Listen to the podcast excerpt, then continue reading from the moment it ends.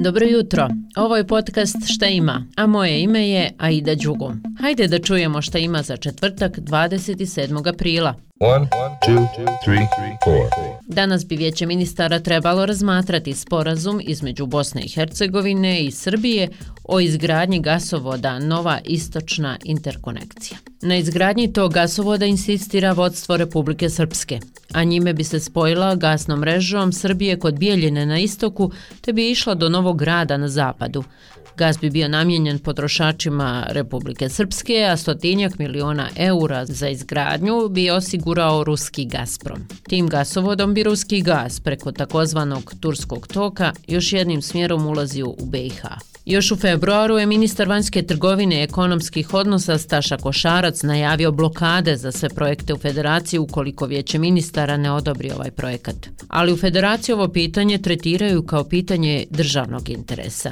U prošlom sazivu predsjedništva BiH ideja o izgradnji istočne interkonekcije bila je zaustavljena nekoliko puta. E da, ima južna, a vijeće ministara BiH će o njoj danas. Južnom interkonekcijom Bosna i Hercegovina bi se spojila na hrvatsku gasnu mrežu preko zapadne Hercegovine do Novog Travnika u Srednjoj Bosni. Ovaj projekat su podržale Sjedinjene države i Evropska unija. Ranije je ministar vanjskih poslova BiH Elmedin Konaković o tome rekao. Mislim da su se stvorile političke okolnosti da brzo i sa Srbijom i sa Hrvatskom ova pitanja otvorimo pitanja istočne i južne i nekih drugih interkonekcija mogu slobodno biti optimističan i reći lako ćemo se mi dogovoriti kako će se time upravljati, naravno poštujući isključivo ustav države Bosne i Hercegovine. Malo o ekonomiji, boljom upravom do bržeg ekonomskog rasta. Zanimljiv naslov projekta kojeg danas potpisuju federalni ministar razvoja, poduzetništva i obrta Amir Zukić i rezidentna predstavnica UNDP-a Stalijana Nadera. Kad se kaže projekat, odmah se nameću dva pitanja. Koliko novca i kome je namjenjen? Da odgovorim, 320.000 konvertibilnih maraka, a namjenjen je malim i srednjim preduzećima s posebnim fokusom na start-up kompanije i mlade poduzetnike. Eto. Počinje 12. po redu izdanje Sarajevo International Guitar Festivala četiri koncertne večeri, takmičenje u šest kategorija, a master radionice održat će prestižna imena svijeta gitarističke umjetnosti. Festival traje do 1. maja, pa eto uživajte.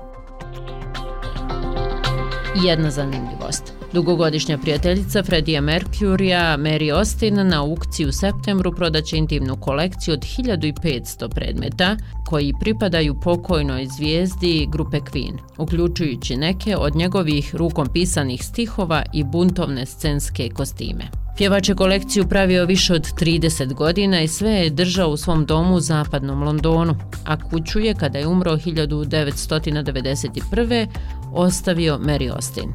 Dakle, kako piše BBC, na aukciji će se naći pisani radni tekstovi Fredija Mercurija za pjesmu We Are The Champions, uključujući harmonije i akorde napisane na devet stranica. Očekuje se da će se prodati za 200.000 do 300.000 funta.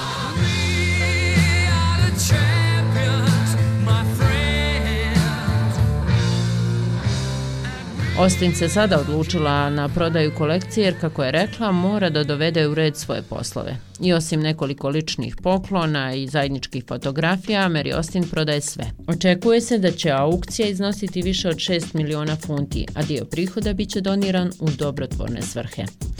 Eto, dosta za danas. Čujemo se sutra. Ćao!